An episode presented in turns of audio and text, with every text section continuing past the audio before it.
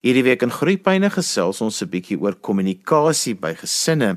Nou kommunikasie kan soveel forme in 'n gesin aanneem en dit is ook baie meer as net daardie rooster op die yskas wat sê wie moet wat doen en wanneer moet wat gebeur kommunikasie is die hart van hoe 'n gesin met mekaar in liefde kan saamleef. Ek het twee gaste genooi, Marlies Holzhausen en Jolinda Stein. Nou Marlies is 'n maatskaplike werker en uh, sy werk in privaat praktyk, maar sy spesialiseer in 'n klomp areas van speelterapie tot by kinderassessering en Dr. Jolinda Stein is 'n traumaterapeut. Kom ons begin sommer by jou Marlies. Wat beteken kommunikasie binne 'n gesin? Ek dink om te gesels oor kommunikasie moet ons dalk eers kyk na die ontwikkeling van kommunikasie oor die afgelope klompe jare.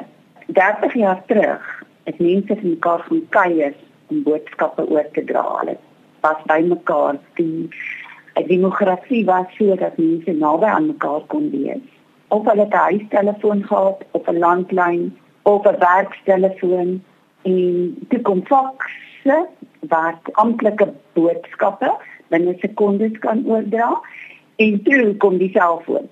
En die short message system naamlik die SMS soos ons dit sien en dit volg WhatsApp en 'n mens sou dink dat kommunikasie met al hierdie moderne tegnologie baie goed is maar ek moet ongelukkig sê dat ek in my praktyk beleef dat kommunikasie nog nooit so sleg was as in gesinslede soos juis nou die moderne tegnologie ten spyt. Jolinda, hoe ervaar jy die kommunikasie by gesinne want ek meen jy werk met trauma situasies? Ek wil aansluit by wat Marlies sê. Ek dink ons besef nie hoe kommunikasie verander as ook agteruit gegaan het nie. En ek dink 'n baie groot rede daarvoor is ook omdat ons maak die generasie Z kinders groot op hierdie stadium. Hulle is nou gebore tussen 1994 tot min of meer 2009 en ook 'n bietjie later en hulle is gebore met die tegnologie. So hulle is gewoond daaraan aan om met 'n skerm tussen hulle en iemand anders te kommunikeer en ook selfs in die ouer huis want in die ouer huis is tegnologie ook ook die standaard manier van kommunikeer baie keer kom ek agter. En ek kom dit veral agter wanneer ek ook gesinsterapie doen waar daar kommunikasie gapings is. So ek stem saam met wat Marlies sê rondom dit. Marlies, jy som dit so mooi op wanneer 'n mens met kommunikasie te doen kry binne gesin. Jy sê die gesinne moet weer aan die praat kom. Ja, hulle moet weer aan die praat kom en jy weet daai gebruik wat ons gesinne 'n klomp jare terug gehad het, naamlik om gesinsvergaderings te hou wat ongelukkig uitgesterf. En dit het uitgesterf omdat mense nie meer tyd het vir mekaar nie of tyd het vir sulke tipe vergaderings of wanneer hulle wel die tyd het, het hulle nie die lus nie. Maar ek het toe gegaan en 'n model ontwikkel wat ek met baie sukses in my praktyk gebruik. En ek noem dit die praat Wat P staan vir perspektief. R vir raak aan mekaar. A vir assessering. Die ander A vir aanpassings en die T vir tyd. En ek sal vreeslik graag met die luisteraars wil deel waarvoor elkeen van hierdie letters in hierdie akroniem praat staan. As hierdie perspektief het jy nodig om kommunikasie in jou gesin te verstaan. En as jy dit verstaan, sal daar wêrelde vir jou oopgaan. Uh, as ons kyk na die definisie van kommunikasie, is kommunikasie die konstante oordra van unieke boodskappe, verbaal of nie-verbaal, bewuslik of onbewuslik. Dus mense gesinne het in hulle hulle omgang met mekaar 'n spesifieke dialek wat gekommunikeer word onbewuslik. Dis as ek by die huis gekom het met sulke geel handskoene en 'n sekere waspoeier, dan het my kinders my dialek verstaan want hulle het geweet nou kom groot skoonmaak of as pappa by die huis kom en hy maak die motorhuis deur op 'n sekere manier toe het pappa gekommunikeer dat hy 'n goeie of 'n slegte dag gehad het. Nou hierdie dialek skep baie probleme veral in die hedendaagse samelewing. Want baie gesinne het uitmekaar beweeg as gevolg van egskeiding. En nou is daar hersaamgestelde gesinne. En die gesinslede neem by voorbaat aan dat die ander gesinslede in hersaamgestelde gesin hulle dialek verstaan. So as mamma dus van die werk afkom of stiefmamma van die werk afkom, oppraat in 'n persoon, dan sal haar kinders kodeer of interpreteer of verstaan dat mamma nog besig is om sake af te handel. Terwyl die nuwe gesinslede, miskien die pappa se kinders, sal kodeer dat die tannie nie van ons hou nie. En die tannie ons nie eers wil groet nie. Maar dit is nie die waarheid nie en dit is daar waar die misverstande ontstaan. Want Tannie is net nog besig om te werk. Jolinda, wil jy 'n bietjie aansluit by wat Marlies nou sê? Ja, baie dankie Johan. Ek stem saam met wat Marlies sê. En ek dink, ehm, um, omdat kommunikasie baie dink ons daar's geen kommunikasie nie, maar dis nie waar nie. Daar's altyd kommunikasie. Want kommunikasie is verbaal en nie-verbaal en dit is 'n tweesydige proses waar idees en gevoelens en opinies uitgeruil word. So as hierdie kind dalk sien maar mamma is op die foon, kan hulle dalk die interpretasie of die kind kan dalk 'n interpretasie maak dat mamma het nie tyd vir my nie. Maar in werklikheid is mamma met iets anders besig. So ek dink um ongesêde kommunikasie um veroorsaak baie keer baie misverstande. Dit is so belangrik om te verstaan maar wat kan ons doen om kommunikasie te verbeter? Want as ons kommunikasie verbeter tussen ouers en kinders en ook tussen die sippe dan um, kry mens 'n gemoedstemming in die huis, 'n atmosfeer van aanvaarding, ons hoort, ons behoort hier. En ja, daarom is dink ek is baie belangrik dat ouers seker goed moet verstaan en ook die nie-verbale kommunikasie wat hulle uitstuur ook sal verstaan. Van Marlies dit bring my by jou volgende letter wat jy sê die R van praat staan vir raak aan mekaar en omdat ons kinders nou so agter en voor skerms lewe, voel dit vir my dis een van die dinge waarop hulle nogal redelik uitmis in hulle ontwikkeling. Gits Johan, ek dink om aan mekaar te raak is daar een van die heel grootste uitdagings. Maar luister gou-gou na hierdie interessante navorsing wat op Bobbejane gedoen is. Navorsers het 'n baba Bobbejane in 'n hok gesit met 'n groot sagte teddybeer aan die een kant van die hok en aan die ander kant van die hok 'n draadfiguur wat lyk soos 'n mamma Bobbejane en by drie draadfiguur was daar 'n vol bottel melk. En hier kom 'n interessante deel. Die baba Bobbejaan het vir die meeste van die tyd gekies om by die teddy te sit en sonder voeding te gaan. Uit hierdie studie leer ons dus dat selfs diere meer behoefte het aan aanraking as wat hulle aan kos. In parkings, wat dit 'n algemene verskynsel vir al onderwysskoolleerders in laat laerskool dat hulle mekaar elke dag hug Nou die gedrukkery in die portuïergroep, dink ek dit sy oorsprong aan te min fisiese kontak in die huisgesin en dit maak dat die kinders veel honger is.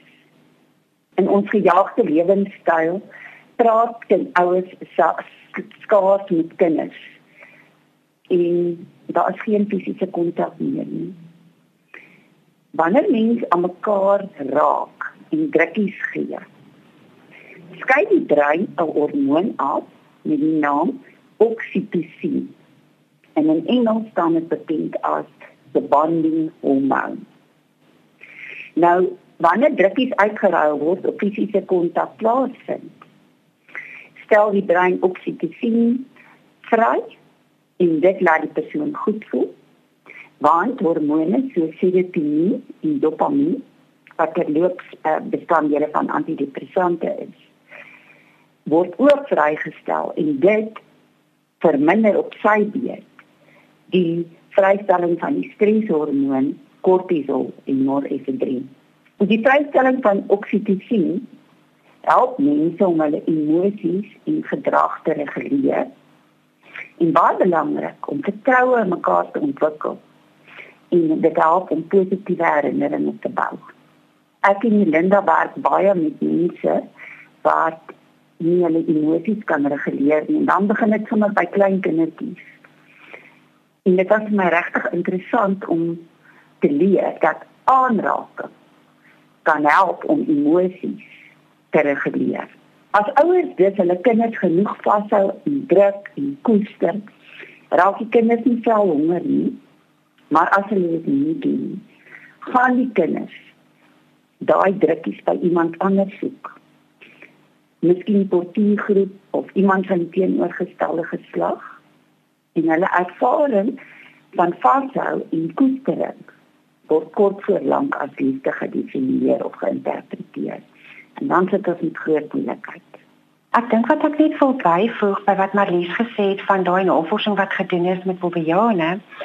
Um ek is uh, baie geïnteresseerd um altyd om te verstaan wat gaan in ons siel, ons liggaam en ons gees aan. En omdat trauma my spesialiteitsveld is, is ek altyd besig om hierdie konsep te verstaan, um om hierdie drie 'n uh, eenheid te maak want ons funksioneer nie as entiteit en ons funksioneer as 'n eenheid. En hierdie navorsing wat sy van gepraat het, korreleer met navorsing wat Dr. Michelle Strydom gedoen het. Sy is 'n mediese dokter En sy het 'n boek gaan skryf oor um the Bible from a medical perspective and medicine from a biblical perspective. En in daai boek onder andere praat sy van hoe belangrik aanraking is en dat sy ook navorsing daar um verduidelik wat sê dat ons moet monkey hack terapie elke dag met onsself doen En dit behels dat jy ten minste elke dag 7 drukkies moet kry of moet uitdeel. As jy dit kry en uitdeel, is dit eintlik basies dieselfde konsep want dan is dit daai oksitosin wat afgeskei word met die aanraking. So dit was vir my baie interessant dat Marlies ook daarna verwys het want um Dr. Caroline sê sy neuro um wetenskaplike sê sy ook dat aanraking help om um se bloeddruk te verlaag want jy voel dan net jy sit in so 'n lekker spasie van ontspanning. So ek ek dink om daarbey aan te sluit um ons besef nie die die absolute belangrikheid van aanraking nie. En wat Marlies ook gesê het dat um daar is 'n spesifieke streshormoon wat genoem word adrenalien, Marlies het ook verwys daarna dat dit in kortisol omsit. En dis presies wat gebeur. As 'n kind vel honger word en um so ook volwassenes, as mens vel honger word en daar's nie daai fisiese aanraking nie, dan gebeur dit dat die adrenalien wat saam met natuurlik ander lewensaspekte, die adrenalien wat oormatig afgeskei word, is nie goed vir ons nie. Adrenalien, adrenalien moet net afgeskei word in stressituasies, spanningsvolle situasies. So as dit oormatig afgeskei word, dan veroorsaak dit dat daai adrenalien omsit in 'n kortisol en dan begin die liggaam se immuun homself aan te val. En dan begin ons dan ook simptome kry van oorangstigheid, um kinders wat nie emosioneel kan reguleer in sosiale situasies, um waar waar hulle moet aanpas en deel van die samelewing moet moet wees en 'n gebalanseerde lewenstyl moet handhaaf nie. So ek dink dis 'n baie goeie verduideliking daarvan gegee en ek wil net graag daarbey aansluit. Nou ons het nou al 'n bietjie gepraat oor perspektief. Ons het al bietjie gepraat van oor hoe belangrik dit is om aan mekaar te raak as deel van ons gesin se kommunikasiestrategie. Kom ons praat 'n bietjie oor aktiewe kommunikasie. Wat bedoel julle daarmee? Ek dink ehm um, Johan, dit is so belangrik dat ons gefokusde gesinstyd moet saam spandeer. En saam met gefokusde gesinstyd is dit om byvoorbeeld saam om die etenstafel te eet, mekaar in die oë te kyk, algemene goed te bespreek, nie net altyd goedjies van wat moet nog gedoen word en dis letterlik net so bietjie mekaar se siening oor die lewe, lewenswêreldbeskouing, sulke tipe van goed um saam te bespreek. En soos my lief nou ook gesê het, dit is baie sinvol dat ouers Eh, ten minste 'n ure dag per kind kwaliteit tyd spandeer. Maar ek het ook van ook oor jare in die praktyk gesien dit is eintlik nie haalbaar vir die besige lewe waarin ons is nie. So ek sê altyd vir ouers, maak die tyd wat jy met jou kind spandeer nie kwal kwantiteit tyd nie, maar kwaliteit tyd. En daarmee is dit in daai kwaliteit tyd het jy goeie oogkontak. Jy raak aan mekaar. Ehm um, jy vra uit oor die kind se lewe en belangstelling. En 'n baie belangrike ding is jy moet luister om te hoor. Baie keer is daar kommunikasie, maar die een wat besig is om te praat, word nie gehoor nie, want die ander een dink aan oh, hoe gaan ek reageer? Wat gaan ek antwoord daarop? So ek dink daardie is ook 'n baie belangrike ding. Mens moet luister sodat jy hoor wat sê die ander een nie om te reageer nie. En ook nie ook nie altyd nodig vir ouers om oor alles 'n opinie te lig nie. Vra uit en deel in jou kind se belangstelling sonder om altyd te voel maar jy moet 'n opinie lig. Veral as dit nie noodwendig iets is nodig is om 'n opinie oor te lig nie. Dis net daai lekker gemaklike kommunikasie met mekaar um, omdat jy net graag wil met mens uit liefde ook 'n beter verhouding met jou kinders wil bou. Jolinde, ons is nou al by die tweede af van praat. So wat bedoel julle met assessering en aanpassing? Ek dink assessering en aanpassing wel regtig dat jy jou kind se liggaamshouding en jou kind se gesigsuitdrukking ook assesseer voordat jy net met die deur in die huis val of voordat jy spesifieke verwagtinge het. En dit beteken ook dat ons moet in ag neem elkeen van ons het 'n besige dag, ons kinders ook. Hulle het ook baie uitdagings rondom hulle skoolaktiwiteite, buitemuurse aktiwiteite. So partykeer is die kind op daai oomblik ook nie um ook bietjie moeg of nie in 'n baie om regtig iets te bespreek of om oor iets te praat nie. So ek dink dit is baie belangrik dat ouers moet oplet wat is jou kind se gemoedstoestand en ook oplet hoe jy jou kind benader. Dat jy jou kind nie moet benader net vanuit alles wat gedoen word nie. Hierdie doenlysie moet afgetik word nie, maar dit moet regtig op jou kind se emosionele vlak ook sal wees. Um en jou kind aanvaar vir wie en wat hy is. Hy hoef nie soos jy te wees Ek dink daai dit is 'n belangrike ding.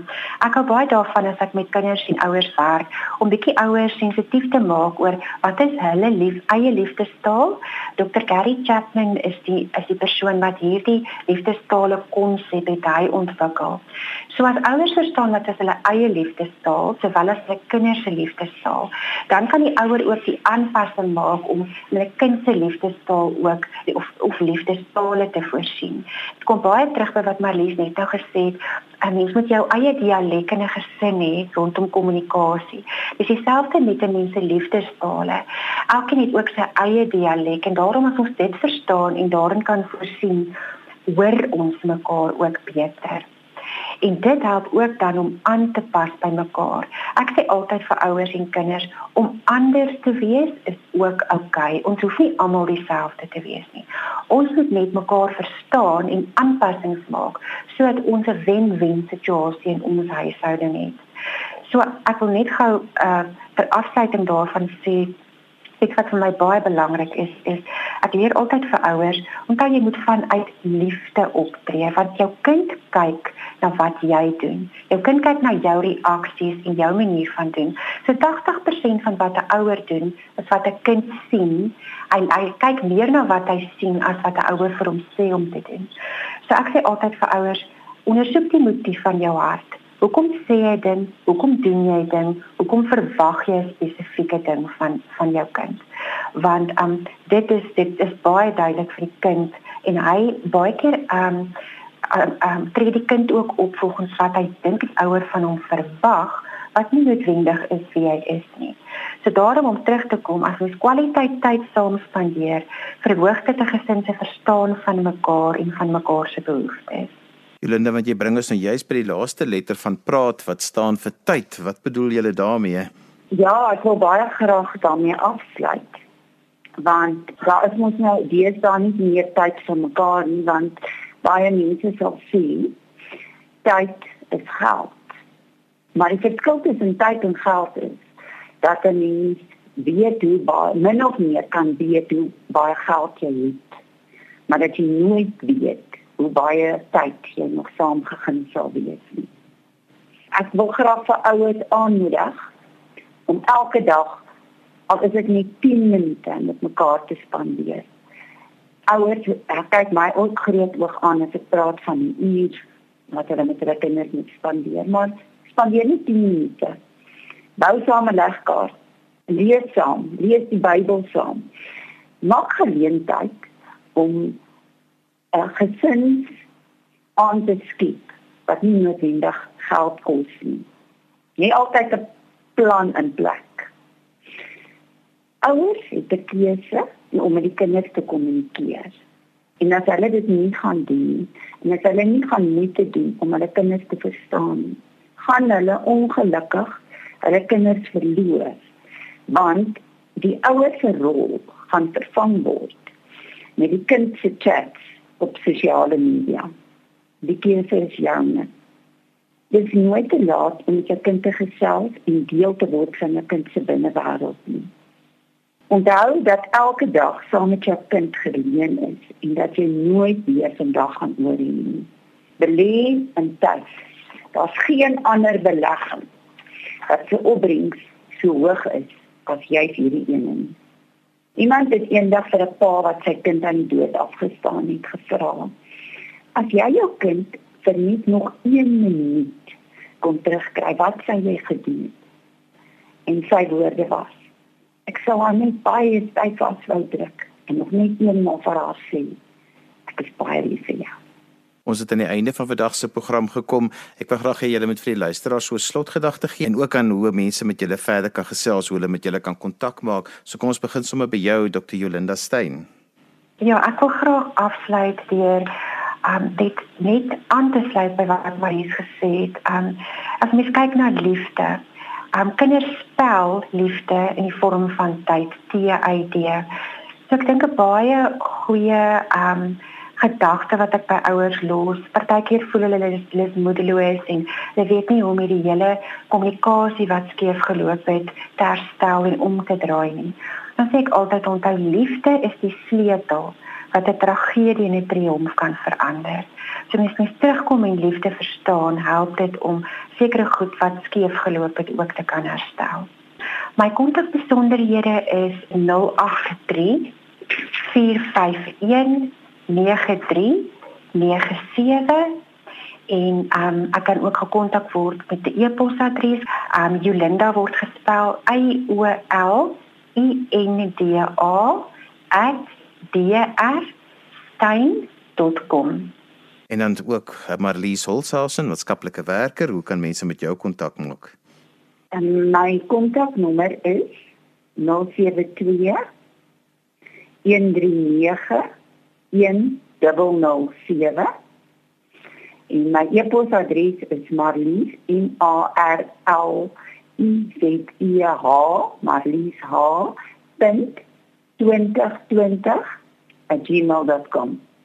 En so gesels Marlies Holtzhausen en Dr. Jolinda Stein. Ons het vandag bietjie gesels oor gesinskommunikasie, al die dinge wat belangrik is wanneer dit kom wanneer gesinne met mekaar oor die weg moet kom en kommunikasie vorm so 'n belangrike basis daarvan. Onthou ek weer na vandag se program luister as se potgooi, laai dit af by resgep.co.za. daarmee groet ek dan vir vandag tot volgende week van my Johan van Lille. Totsiens.